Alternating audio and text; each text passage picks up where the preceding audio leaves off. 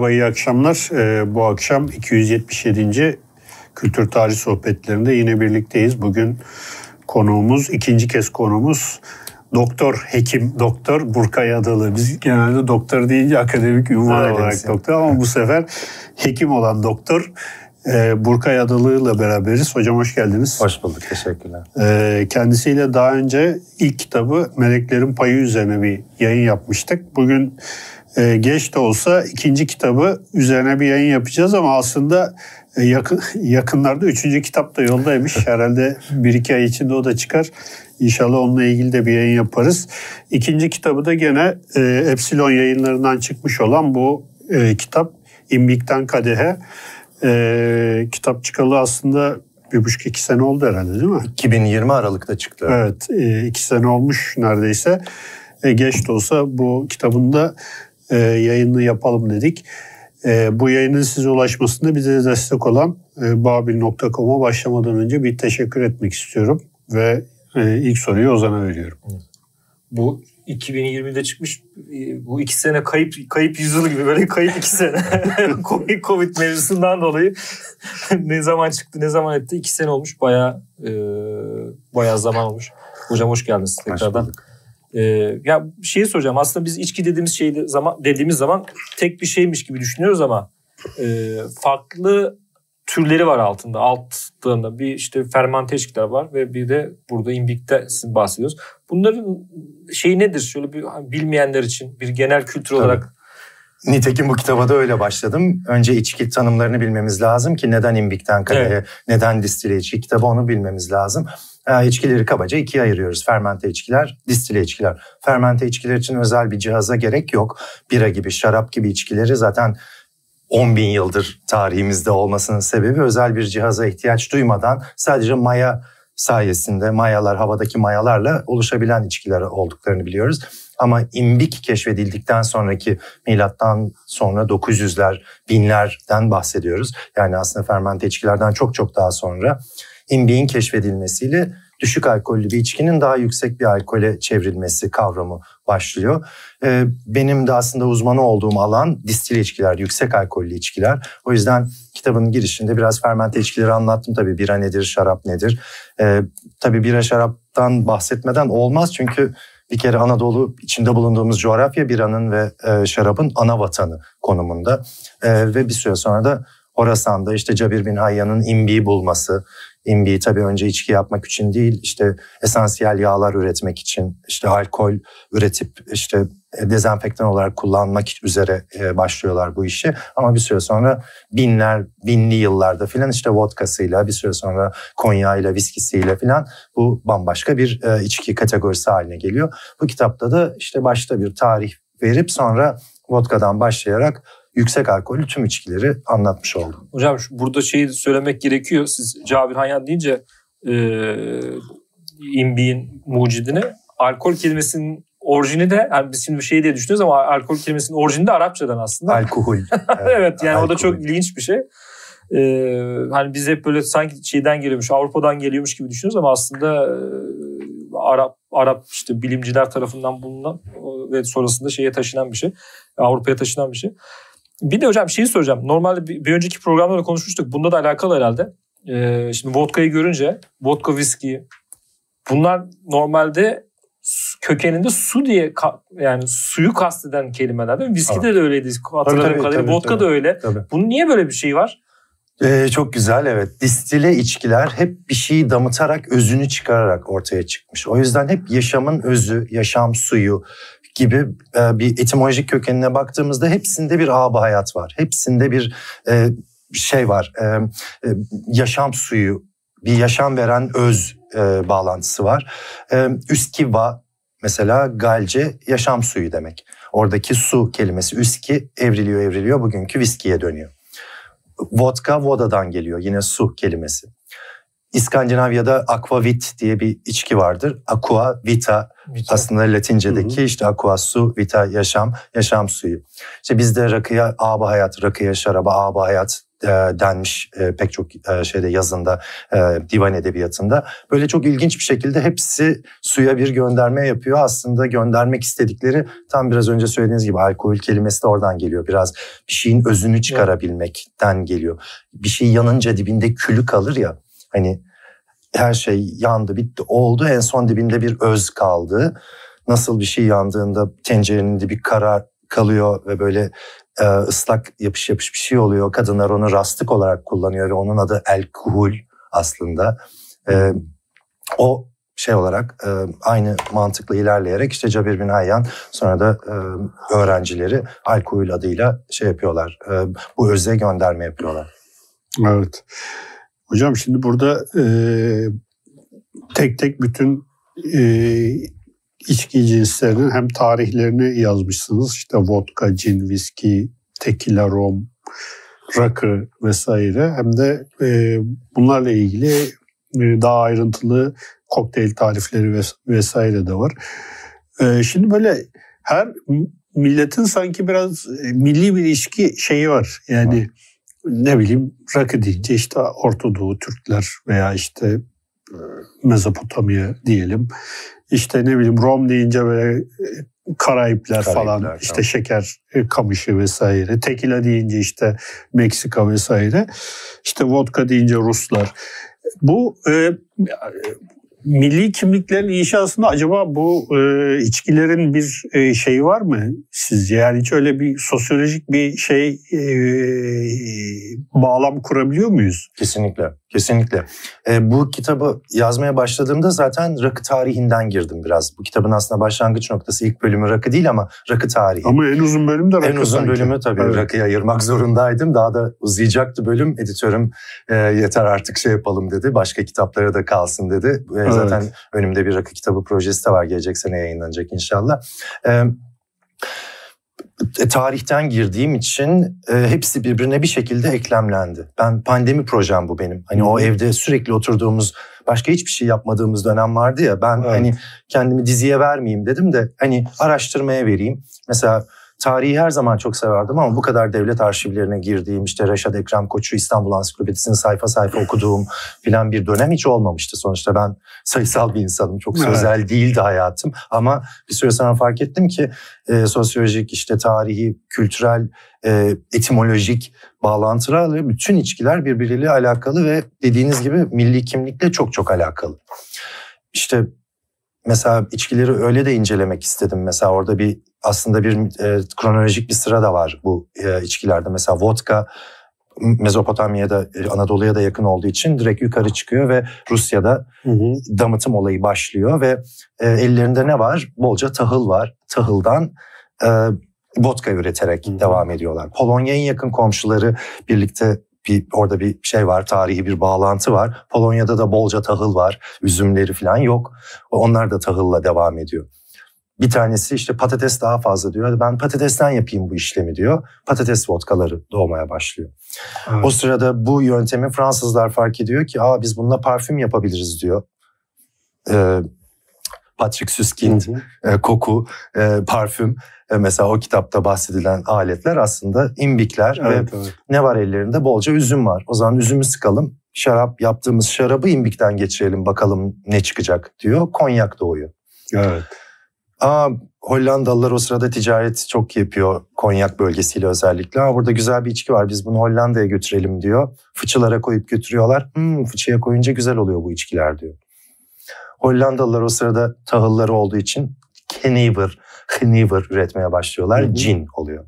Wow. İngilizler gidiyor savaş sırasında aa cin ne güzel bir içkiymiş deyip ülkelerine götürüyorlar ve cin bir anda İngilizlerin milli içkisi haline geliyor. Böyle pardon resmen puzzle birleştirmiş gibi hissettim kitapta. Hepsi bir yerinden eklemleniyor ve e, gerçekten hepsi birbirinin kuzeni aslında. Biraz evet. basite indirgeyerek anlatıyorum ama insanların aklında kalması için mesela cin dediğimiz şey içine ardıç tohumu konmuş bir vodka.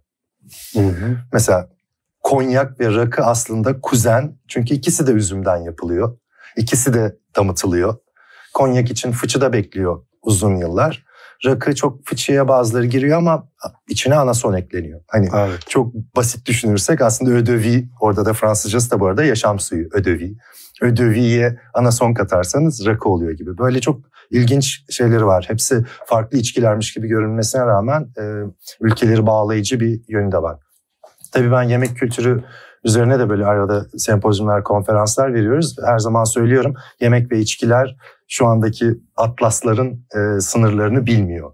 Evet. Hani bunlar hep insanlar arasındaki ilişkilerle bugüne geliyor. Yani bi- biz şu anda hani bazen geçen bir arkadaşa onu söyledim. Hani hayat, hiçbir musakka hayatında mesela bir atlas görmedi. Mesela Yunanistan nerede bitiyor, Türkiye nerede başlıyor musakka bilmiyor. Biz Baklava da- biliyoruz. Baklava, da Baklava da bilmiyor onu biz biliyoruz. Hani e, biraz iç- e, ülkelerde tabii birbirini Bir etkilemiş. de artık bana o şey demek gerekiyor herhalde. E, milliyetçilik falan mevzusundan da ziyade bölgesel yani işte atıyorum humus çok böyle Doğu Akdeniz artık hani çok global bir şey oldu bunlar ama humus işte bir kökeni bu şey Doğu Akdeniz Levant dediğimiz yer. Onun içinde Antep'te giriyor işte Hatay'da giriyor. Yani çeşitli hatta farklı farklı yapılmaları var. e, e, üretiyorlar. O yüzden şey yapmamak gerekiyor. Böyle bir yere cidden hapsetmemek gerekiyor. Yemekleri, içkileri serbest bırakmak gerekiyor. Hocam şeyi soracaktım ben. Ee, burada şeyler var. E, nedir? Kokteyller var. Ee, bunların mesela gidip bir şey söylediğin zaman çok böyle global şeyler bunlar. Atıyorum Long Island Ice Tea diyorsunuz. Long Island Ice Tea biliyoruz ne olduğunu. Veyahut da işte e, Margarita dediğimiz zaman. Ya bunların böyle bir şeyi var mı? E, bir yerden yani bir yerden neşet ediyor tamam biliyoruz ama bunların böyle globalleşmesini sağlayan ne? E, Kokteyl konusuna gireyim mi girmeyeyim mi çok düşündüm bu kitabı yazarken. Orada da yine pandeminin etkisi var. Herkes biliyorsunuz bir ara do it yourself'e girdi. Herkes evinde ekşi mayalı ekmekler yapıyor, bir şeyler yapıyor filan. Kokteyl o dönemde çok şey yaptı. Hani herkes evinde o sosyalleşmeyi sağlayabilmek için işte shaker'lar aldı, bir şeyler yapıyor, kokteyl tariflerine bakıyor. Tamam dedim ben bu kadar distile içkileri anlatıyorsam klasik kokteyllerin tariflerini mutlaka kitaba eklemeliyim. Klasik kokteyller dediğimiz 130 tane kadar kokteyl var. International Bartenders Association'ın yayınladığı ve tarifi ölçeğiyle belli olan kokteyller var. Bunlar klasik kokteyller. Üç grupta inceleniyor işte modern klasikler falan gibi. Mesela ben kitabımda şey yapmak istemedim. Ee, tamamen kendim işte içine bir şey katıyorum tarzı bir kokteyl değil. Klasik kokteyl tariflerini vereyim istedim. Mesela bu kitaptaki bütün tarifler International Bartenders Association, IBA'nın belirlediği ölçüsü belli kokteyller ve mesela bu ölçüyle ve oradaki tarifle yaparsanız klasik bir margarita yapmış oluyorsunuz. Ondan sonra içine biber mi katarsınız ya da turşu suyu mu katarsınız üzerine işte bir şeyle mi süslersiniz o twist deniyor ona. E, farklı bir kokteyl yaratmak mümkün ama buradaki kokteyl tarifleri mesela herhangi bir bartender'ın da ezbere bilmesi gereken hani yarışma kokteylleri de diyoruz bunlara. Mesela temel kokteyllerden Bloody Mary'yi yapmak bir yarışma etabıdır şeyde e, kokteyl yarışmalarında. Burada ben öyle çok karışık kokteyllere girmeden onları da anlattım. Kitabın en sonunda da evde kokteyl işte yapmak istiyorsanız şu şu şu içkiler mutlaka evinizde olsun. Evinizde 10-12 şişe bulundurursanız farklı kategorilerden işte birkaç likör bulundurursanız mesela ya bayağı 50-60 tane kokteyli yapmanız mümkün. Birkaç tane de işte shaker gibi alet e, olduğu zaman. O yüzden kitabın sonunda bir popüler kültür evde nasıl yaparız bölümü de şey yaptım, ekledim. Fotoğraflar da çok güzel ya. Hocam- Şimdi bakarken insan evet, fotoğraf edeyim. Evet. Hocam şeyi sorayım. Bu rakı kitabı geliyor zaten. Rakı bölümü de var ama e, normalde Türkiye'de e, hep Türkiye'yi rakı rakıcı olarak yani e, Türkiye'yi rakı memleketi olarak düşünüyoruz ama aslında tarihte böyle değil. Yani çok yeni bir şey. Şey gibi aslında. E, çay gibi. Çay da çok yeni bir şey ama biz hani baktığımız zaman bugünden baktığımız zaman çayı çayı çok böyle hani Türkiye ile Türklerle e, çok uzun zamandan beri, çok eskiden beri hemhal olduğunu düşünüyoruz ama rakı da böyle aynı şekilde. Daha öncesinde çünkü şarap var. Bu kültürel e, süreklilik içinde, toplumların sürekliliği içinde bu tarz değişiklikler oluyor mu? Yani e, bu belki teknolojik bir yenilikten de kaynaklanıyor. Bu içkilerin e, farklılaşması, e, uzaklaşması, yakınlaşması böyle bir ilişki türü var mı süreç içinde? Kesinlikle biraz önceki soruyla da bağlantılı. Hani burada artık sosyolojiye, tarihe mutlaka girmek gerekiyor. Çünkü e, başka türlü anlayamıyoruz. Mesela Evliya Çelebi sayfalarca rakı anlatıyor ama arak diyor. Mesela onun anlattığı rakıyla şu anda bizim içtiklerimiz aynı mı? Çünkü bir cümlesinde şey geçiyor. Çeşit çeşit rakı vardı diyor. Saymış şunlu rakı, bunlu rakı, sakızlı rakı saymış saymış saymış. En sonunda ana sonlu rakı yazıyor. Uzunca bir listenin sonunda. Evet. Ha diyorsunuz hani demek ki ana sonlu değilmiş hepsi. Oradan yola çıkarak e, tabii zaman içinde yönetimlerin değişmesiyle içkiler işte yasaklanıyor. işte farklı e, bir vergiler geliyor bazı dönemlerde filan böyle dalgalı bir seyir var. 1800'lerden itibaren filan artık iş ciddiye biniyor, rakı fabrikaları açılıyor. İşte Cumhuriyet'le birlikte iş iyice hızlanıyor. Ee, orada da tabii farklı faktörler devreye giriyor. Tekelliğin kurulması işleri biraz aslında karıştırıyor. Çünkü tamam her şey e, kontrol altına alınıyor ama 35-40 rakı markası varken tekel kurulunca 4 markaya düşüyor bir anda 1930'larda Türkiye.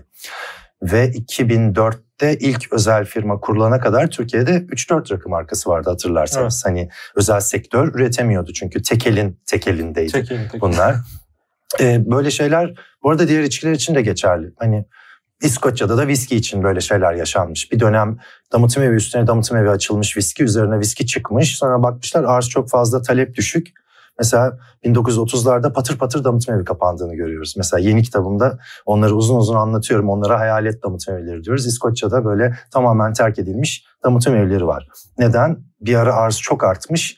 E, talep az olunca kapatmak zorunda kalmışlar. Ama şimdi devran ter tekrar döndü ve şu anda o damıtım evlerini açacağız diye uğraşıyorlar. Çünkü muhteşem bir talep var evet. ve arıza yetişemez oldu firmalar. Aynı şekilde rakı mesela eski güzel günlerine dönmeye başladı. 60-65 farklı rakı var mesela şu anda. Hı hı. 2004 diyorum bu çok evet. şey yakın bir gelecek ya. 18 sene 18 önce 3-4 rakı diyorduk. Şu anda 65-70 farklı rakı markası var. Rakı markası deyince kafalar karışabiliyor. Mesela bir markanın alt türleri de olabiliyor ya işte bir tanesi yaş üzüm oluyor, birisi kuru üzüm oluyor. Bunlara e, işte meşede edis bazıları meşede, meşede bekletiliyor. İşte edisyon veya ekspresyon diyoruz. Sonuçta elimizde şu anda 60'a yakın 65 belki şu anda bile yenisi çıkmış olabilir. Edis farklı edisyon şey var, içki var şu anda elimizde. O yüzden kültür de bir böyle şey yapıyor. Hani şöyle bir e, e, nasıl diyeyim grafik çiziyor her zaman e, aynı gitmiyor başka faktörler de var. Mesela benim zamanımda ben 90'larda üniversitedeyken Ankara'da rakı içilmezdi. Biz meyhaneye gitmezdik. Mesela Hı. benim için baba dede kültürüydü rakı. Başka İstanbul'da okuyan arkadaşlarım aynı dönemde yo biz meyhaneye giderdik diyor. Mesela Ankara'da benim çevremde böyle bir şey yoktu. Kültürü yoktu. Mesela üniversite öğrencileri partiye gidip kokteyl içerdi. Seks on the beach filan içerdik partide. Meyhanede oturmak, demlenmek gibi bir kültürümüz yoktu. Ama şu anda dönüp bakın meyhanelere. Mesela üniversiteliler hoş şu anda e, finansal durumdan dolayı herkes çok istediği gibi gidemiyor ama hani yaş ortalamasının da çok daha düştüğünü görüyoruz mesela meyhane kültürü açısından. Hatta geçen geçen yani bundan birkaç hafta önce beraberdik. Ee, orada da şey konusu geçmişti hatırlarsınız hocam. Ee, kadın kadın kadına işte şeyler, e, meyhaneler. Tabii. Orada da konuştuk. Yani bu şey e, cidden hani e, şeyle de beraber muhtemelen Türkiye'deki e, sosyolojik değişim yani mesela dışarıda da yemek kültürü de mesela 2000'lerden önce tamam. yoktu diye ben hatırlıyorum. Ben yani tabii, tabii, tabii. yani benim yaş yaş itibariyle 2000'leri 90'ları falan daha böyle hani lisede, üniversitede geçirdiğim için onu şey hatırlıyorum. İstiklal Caddesi'nde çok az yer vardı dışarıda yemek yiyebileceğimiz. E, o dışarıda yemek yeme kültürü arttıkça bunun yanında da tabii eşlikçisi işte alkolü bir içki geldiği zaman o yavaş yavaş farklı farklı bir şekilde dönüştürüyor. Bugün de işte mesela e, meyhanelerin özellikle gençler arasında popüler olması. Yani, yani sizin söylediğiniz gibi meyhaneler eskiden şey yerlerdi yani. Pek böyle yanından geçilecek yerlerdeydi. Üçüm, üçümüzün de geçilecek yerlerdeydi yani. Meyhane kültürü müthiş değişiyor. Son 20-25 yılda çok büyük bir değişiklik var. Ee, bu arada 2020'de Meleklerin Payını yazdım. 2021'de İmbik'ten Kade'yi yazdım. İkisini de doğum günümde 16 Aralık'ta yayınladım. 2021'de herkes e, bu sene doğum gününde ne geliyor dedi. Bu sene dedim kitap yazmayacağım bir ara vereceğim kendime falan. Ama orada da İstanbul Lezzetleri diye bir kitaba sevgili Mer Merin evet. Sever'in bölüm yazmam istendi. İstanbul'un eğlence ve içki tarihi kısmını e, bölümünü yazdım. Orada da işte yine 1500'lerden günümüze kadar e, meyhane kültürünü falan da anlatıyorum. Müthiş değişiklikler yaşanmış. Erkek kadınların girmediği bir mekanken e, meyhane şu anda kadınlı erkekli bir restoran haline gelmiş. Şu anda pek çok şeflerle de konuşuyoruz. Eskinin beyin falan gibi mezeleri mesela şu anda gençler hmm dediği için mesela ölme yolunda. Balık mezeleriyle meşhur İstanbul'da şu anda doğru dürüst e, balık bulunamadığı için işte uskumru dolmalar falan mesela o masalardan kalkmaya başladı. E, herkes bir şeyleri sevdiği için mesela Antakya'dan da meze var, Ege'den de meze var. Mesela o sofra Birleşmiş Milletler gibi bir şey oldu şu anda e, soğuğuyla sıcağıyla. Hani meyhane kültüründe de çok e, çok çok büyük değişiklikler var. Hani evet. bizim önümüzde de olan değişiklikler var. Tarihi bir şey değil. Bayağı 5-10 yılda bizim gözlerimizle gördüğümüz değişiklikler var. Evet.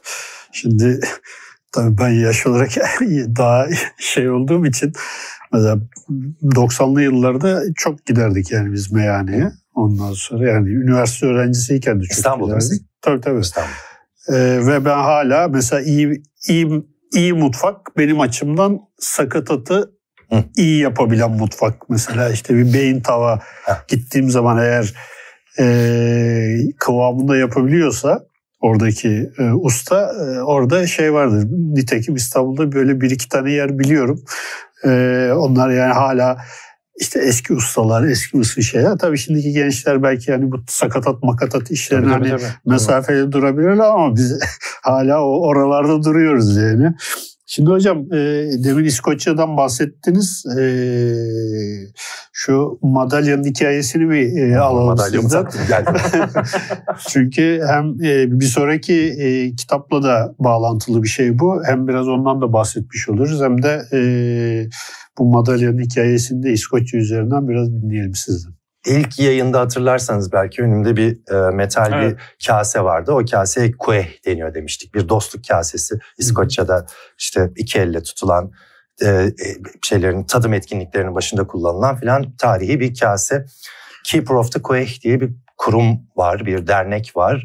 Tam Türkçesini çevirmek kolay değil. Kadeh muhafızı, kase hmm. muhafızı gibi bir şey. E, İskoç viskileri sektörüne eğitim yönünden filan çok büyük destek vermiş. Sektöre üstün hizmeti olan kişilere verilen bir nişan bu.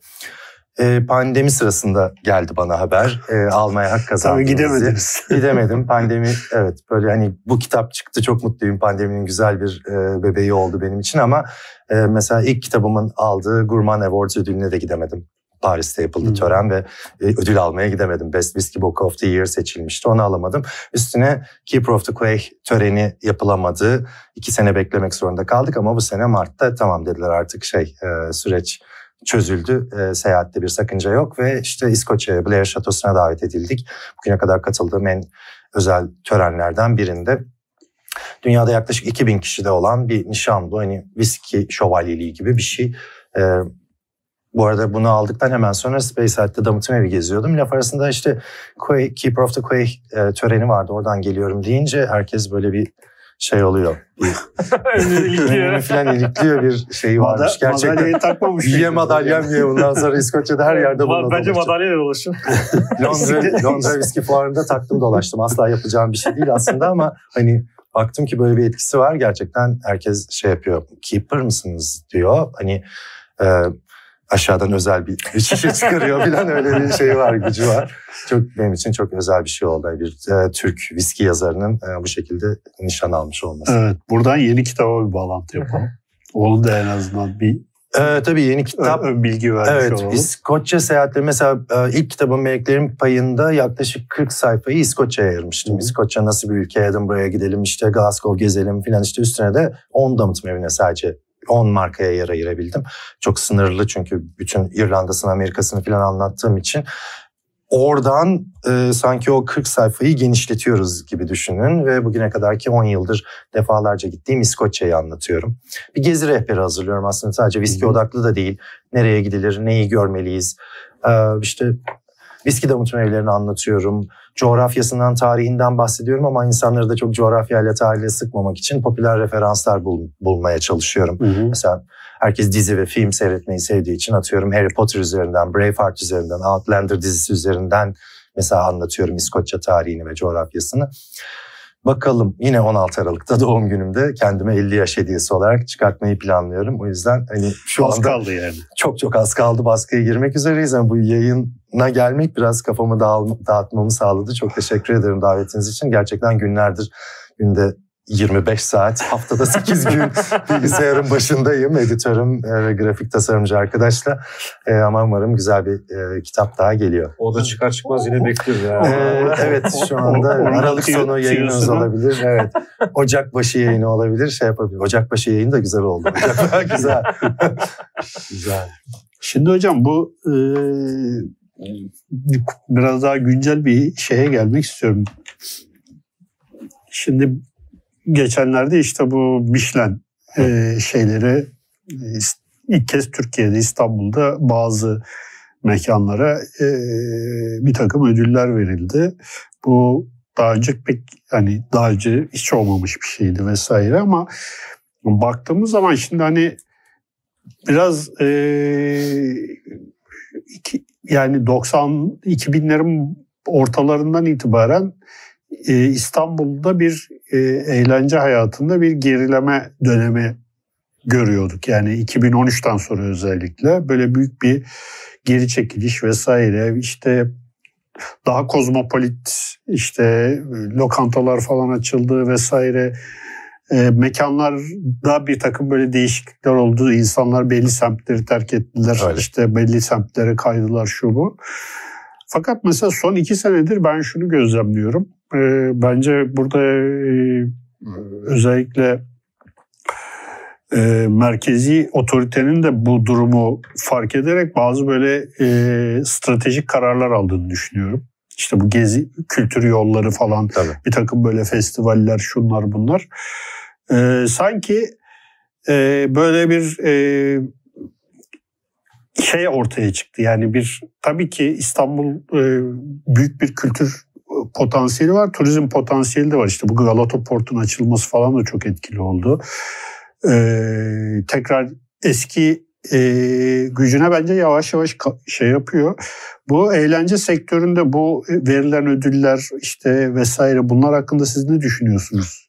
Harika soru. Çok çok güzel soru. Mesela pek çok insan bilmiyor ama Michelin projesi de bunun bir parçası. Kültür Bakanlığı'nın Michelin'den ricasıyla olan bir şey bu. Michelin bazı ülkelere mesela direkt e, gönderiyor şeylerini, e, denetçilerini, Evet. e, hakemlerini ve e, tamamen bağımsız olarak bir şehrin şeyini çıkarıyor. Mesela şuraya gidilir, buraya gidilir. BIP Gurman listesi bu. Bir yıldız, iki yıldız diyor. Mesela burada Michelin'e direkt gidilip İstanbul'u da listenize alır mısın projesi var.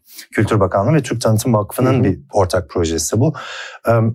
O yüzden hani sadece de bağımsız Michelin Mesela geldi. ben bunu bilmiyordum. Evet, Şimdi öğrendim. evet pek çok insan e, bunu bilmiyor. Burada ama hani şey yapmak da istemem. E, Kendileri gelmedi hani biz sponsor olduk da geldiler falan değil. Bu bence güzel bir hareketti. Çünkü sonuçta geldi insanlar burada farklı restoranları denediler ve uzunca bir liste çıktı ortaya. Listeye giren girmeyeni tartışırız. Orada da çok Hı hı. tartışmalar yaşandı ama hani alabileceğini düşündüğümüz e, çok kaliteli fine dining restoranları açıldı üst üste Türkiye'de. Hani bir yandan ekonomik durum zayıflıyor falan ama bir yandan da yeme içme kültürüne müthiş bir ilgi var Türkiye'de. Hani fine dining, değişik lezzetleri millet merak ediyor. İşte şeflerin özel yemeklerini tatmak istiyor falan. Ve e, o kulvarda çalışan restoranlar mesela bir yıldızını, iki yıldızını falan aldı. Uzunca bir liste oluştu. Affordable denir mesela bir liste, o listeye bir gurmana mesela affordable mı aslında gidilebilir fiyat e, skalasında mı o da tartışıldı mesela Evet. şu anda bazıları hani oldukça yüksek kalabiliyor pek çok insan için. Sonuçta ne oldu? İstanbul'un adı bütün dünya basınında işte İstanbul'da Michelin'de diye geçti. O restoranların hepsi şu anda bir sene iki sene kapalı. Evet. Rezervasyon mümkün değil. Yani o gece ben şey oldum hani gidememiştik daha da gidemeyiz falan oldum. Hani Evet. Bunlar çok önemli şeyler. İnsanlar takip edecek bunları. Ee, Türkiye'nin adı duyulması açısından çünkü gastronomi turizmine biz hiçbir zaman çok önem vermedik ki bence en üzerine yürüyeceğimiz alan yani. Hani hele de İstanbul. Hani Napolyon'un bir lafı var ya dünya başkenti olsaydı İstanbul olurdu diye. Tam Evet. ortadayız ve bütün mutfaklar bizde toplanmış. Hani müthiş bir mutfak her şey var bütün çevreden. 500 bin kilometre kare bir alandan. Ee, onu dünyaya tanıtabilsek mesela Türk mutfağı yurt dışında çok tanınmıyor. Türk restoranı deyince dönerciler, kebapçılar falan geliyor akla. Tamam ne güzel yapıyorlarsa harika ama hani bizde farklı yemekler olduğunda dünyaya gösterebilsek e, çok çok güzel.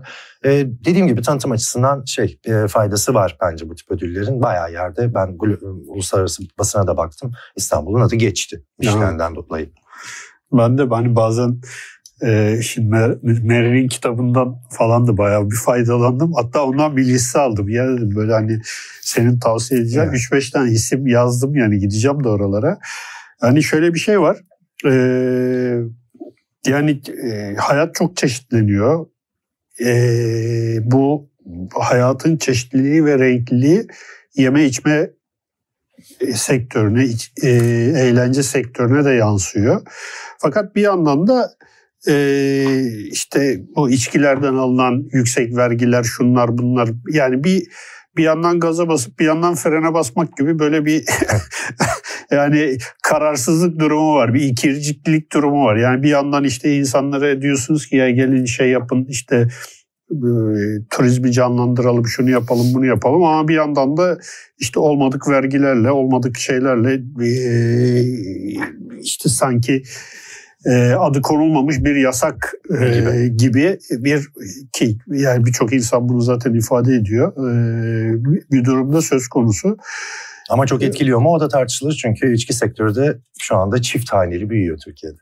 Mesela evet. şey mevzusu var ya çok... E... Şu anda rakı, viski falan gibi içkiler mesela müthiş büyüme rakamlarıyla. Mesela, Satışlar çok çok çok artmış durumda. Mesela bu fiyatlara rağmen bir şekilde hani rakıda yine böyle anason katılmış etil alkoller falan içen insanlar var tabii ama hı hı. hani yıllar sonra ilk defa rakı grafiklerinde şunu gördük. Mesela yukarı doğru tekrar evet. bir artış var. O, o eski kültür tekrar şey yapıyor, doğuyor. Şivas'ın en çok sattığı İkinci, ülke, ikinci ülke. Birinci ülke evet. Birinci ülke. Evet. evet. Yani mesela o çok çok acayip bir şey. Yani. Meglerin payında tek değiştirdiğim yer orası.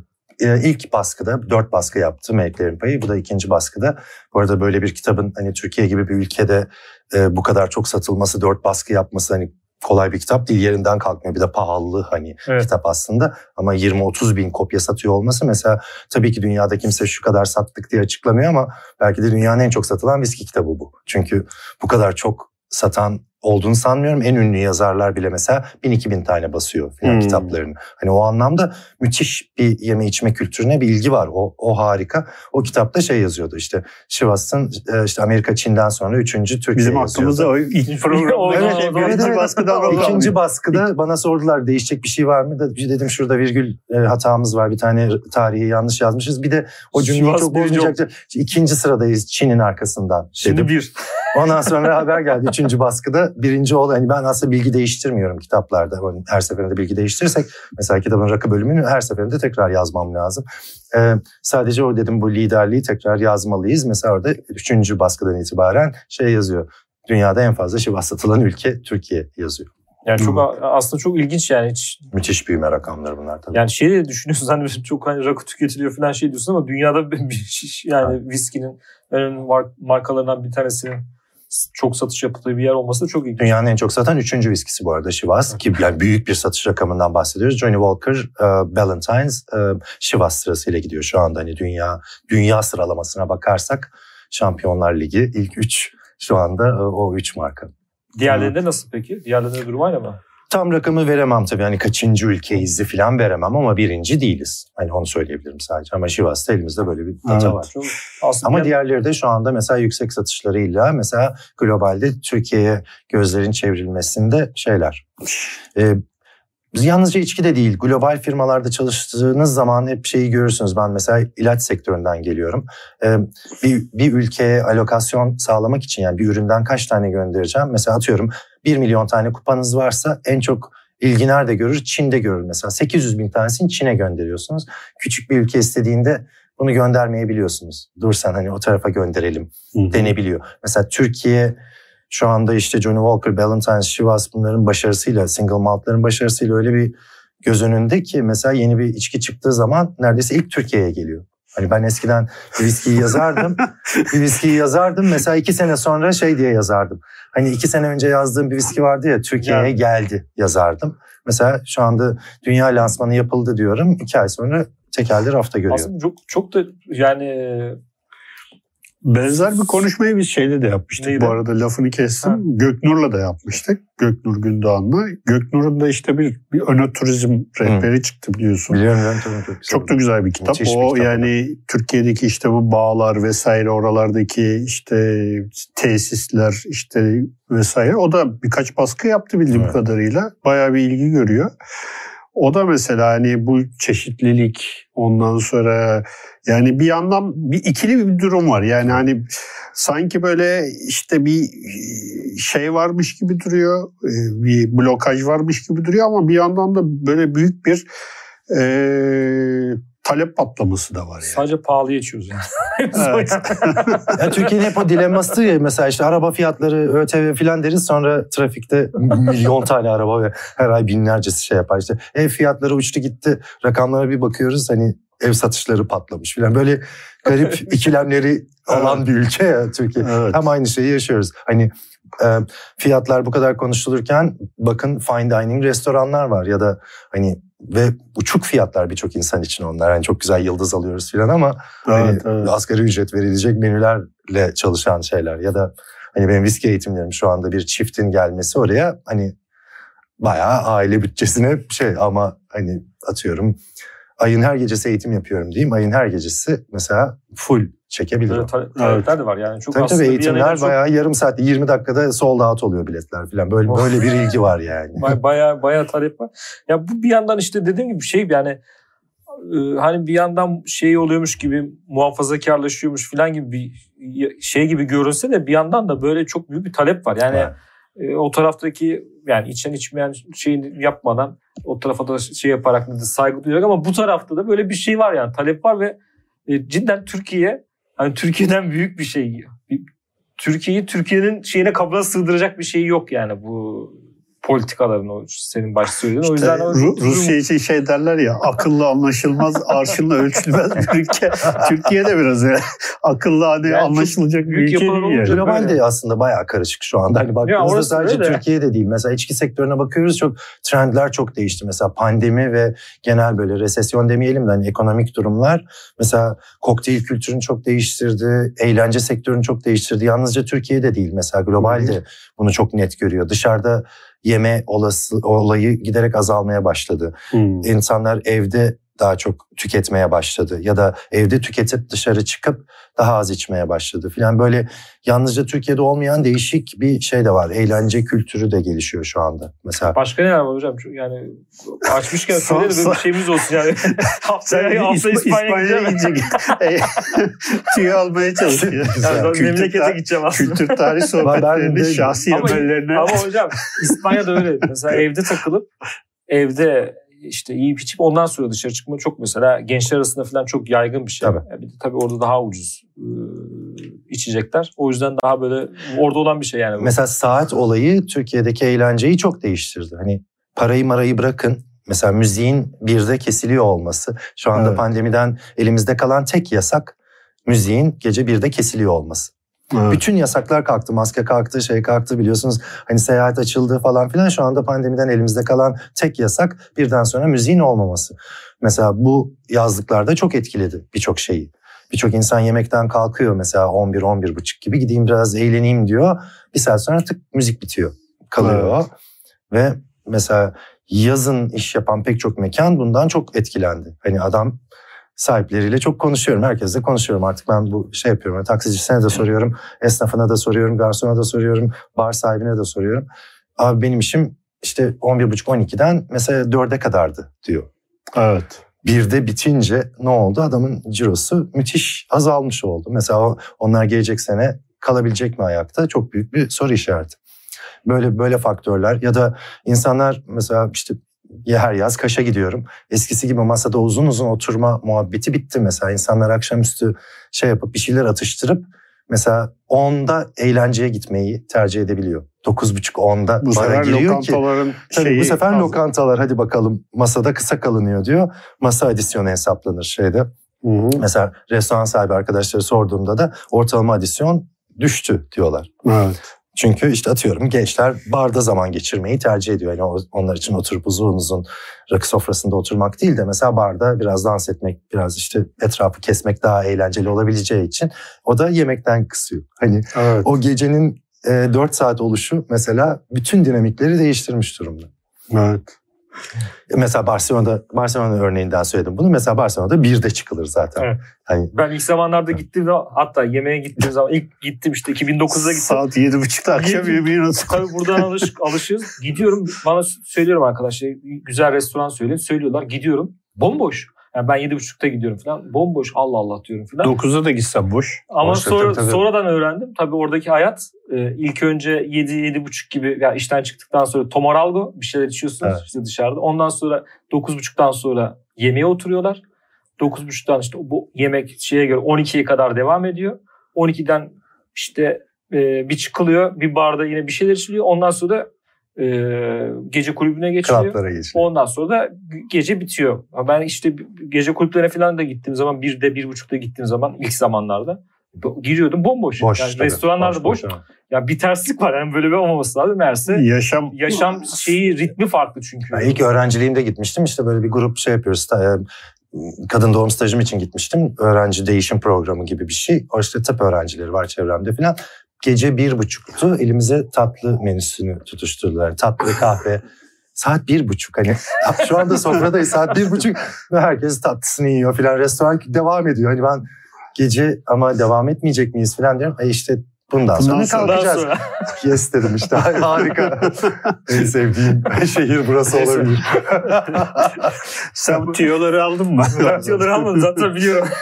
Şimdi biraz, birazdan e, kalan kısmını yemekte konuşursunuz. Hocam yavaş yavaş toparlayalım isterseniz. E, şimdi İmbikten Kade, e, Meleklerin Payı İmbikten Kade ve üçüncü kitaba doğru gidiyoruz. E, yani işte Türkiye'deki genel durumu da hani şey yaptık, e, konuşmaya çalıştık. E, bundan sonrası için yani e, nasıl söyleyeyim? Sizin böyle e, hissiyatınız nedir? Yani bu e, eğlence kültürü, içki kültürü vesaire nereye doğru evrilecek? Bir ee, çok hızlı bir değişim var. Çok güzel soru. Yine çok güzel bir soru. Ee, Bu işlerin de içinde olduğunuz için. Evet evet, şey evet. sürekli de sor, takip ediyorum sektörü yani. tabii. Ee, hatta çok güzel soru. Çok benzer bir soru. ki bir buçuk sene kadar önce başka bir podcast'e davet edilmiştim ve orada soruldu. Şimdi onu düşünüyorum. İşler tamamen değişmiş. Bir, bir buçuk senede bile e, trend ve gelecek öngörülerimiz değişmiş durumda. En basit yanıtı gerçekten bilmiyorum. Çünkü hı hı. tam pandemiden çıkıldı, hayat normale dönüyor derken hani genel olarak dünyada bir e, çalkalanma oldu. İşte insanların alım gücü falan filan gibi konular devreye girince iş çok değişti. Bildiğim tek, tek şey şu anda yeme içme kültürüne müthiş bir ilgi var deneyime çok büyük ilgi var. Hani sadece güzel bir yemek ya da bir, bir şey yapmak değil mesela onu bir deneyimle yaşamak istiyor insanlar. İçtiği şeyin mesela hikayesini duymak istiyor. Mesela evet çok güzel olmuş çay ama mesela birisi bana anlatsak işte bu çay bilmem nereden geldi. Ee, işte şöyle toplandı bu biliyor musunuz elle toplanıyor güneşte kurutuluyor falan gibi bir bilgiyi eklediğiniz zaman o e, yemeğe içeceğe karşı bir bağlantınız oluyor. Şu anda mesela benim de çok e, keyif aldığım şeylerden biri o. Yalnızca içki dünyasında da yemekte de mesela şuradan geldi. Böyle buradan geldiği için tadı böyle iyi duymak istiyorum. Ve insanlar bunu bir deneyim olarak ya da bununla buna eşleştirelim. Evet. Bunun yanında bunu yiyelim bakalım ne oluyor gibi deneyimlerle gelişecek. İş deneyime kayıyor şu anda.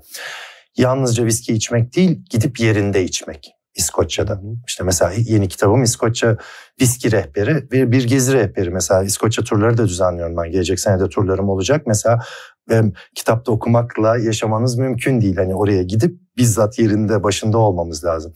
Önotrizm şu anda şarabı böyle karşılıklı içmek var. Bir de yerinde gidip üzümünü koparıp bir üzüm yiyip bir de şarap içmek var. Mesela bu tip deneyimler çok çok öne çıkacak bence şeyde e, yeme içme dünyasında. Benim hep e, şöyle bir hissiyatım var. Pandemide insanlar çok uzun süre yani ölümü beklediler aslında. Yani tamam. böyle bir psikolojik yıkım dönemiydi işte aylarca evlerden çıkılmadı etrafımızda yani işte bir yüzlerce binlerce insan bir şey yaptı sanki böyle hani İkinci Dünya Savaşı'ndan çıkılınca böyle insanlar e, 1945'ten sonra böyle bir eğlence hayatının patlaması falan gibi bir şey var ya yani sos yani sosyal psikoloji olarak yani sanki büyük bir savaş dönemi sona ermiş ve insanlar artık yani evet hayat, hayattayız ve hayatı yaşamaya devam ediyoruz. O, o yüzden biraz hani e, o e, psikolojiyle de sanki böyle bir e, eğlence e, yönelmişler gibi bir hissiyatım var. Yani bir, bu tamamen tabii benim var kendi kesinlikle vardı mesela ama ekonomik sorunlardan dolayı mesela bu bir şey oldu. Tam eğlenecektik pandemi bitti dışarı çıkacaktık bir gülme geldi. Yani. Evet. Doğru. Hani herkes böyle, ha kokteyl 300 lira mı? Ha, bira 100 lira mı? Mesela bunlar bir anda şey yaptı. İnsanlar böyle nasıl yani falan oldu ya da Evet. şişesi bu kadar ama ben bu kadar mı içiyorum? E çünkü kirası bilmem kaç bin yani filan gibi. Bu hesaplara girişince mesela Evet. orada da bir kaldı. Mesela gençlere biraz üzülüyorum ne yalan söyleyeyim. Hani pandemide gençliklerin çok yaşayamamışken bir de üstüne tam hadi şey yapacağız çıkacağız ortaya derken bu sefer ekonomik sıkıntılardan Evet, dolayı çok evet. çıkılamadı.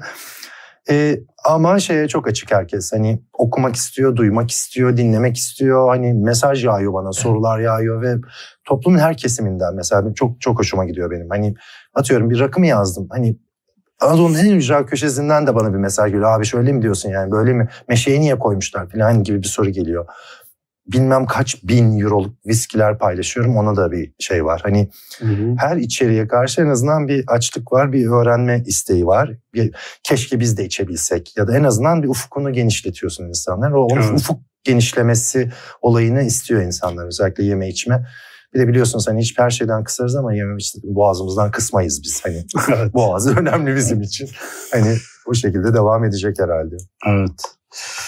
Hocam yavaş yavaş bitirelim. Tamam. Ee, güzel bir sohbet oldu. Ben çok teşekkür ederim Ee, davetiniz için. Umarım Evet, e, yeni kitapta da e, yine birlikte oluruz. E, bugün 277. Medyaskop TV Kültür Tarih Sohbetlerinde Burkay Adalı ile birlikteydik. Kendisinin İmbik'ten Kade'ye kitabını e, konuşuyor gibi olduk ama çok başka mes- meseleleri de konuşmuş olduk bu vesileyle. Bizi dinlediğiniz, izlediğiniz için çok teşekkür ediyoruz. Bu yayında bize destek olan babil.com ve Patreon destekçilerimize de Evet. ayrıca e, teşekkür ediyoruz ve iyi akşamlar diliyoruz.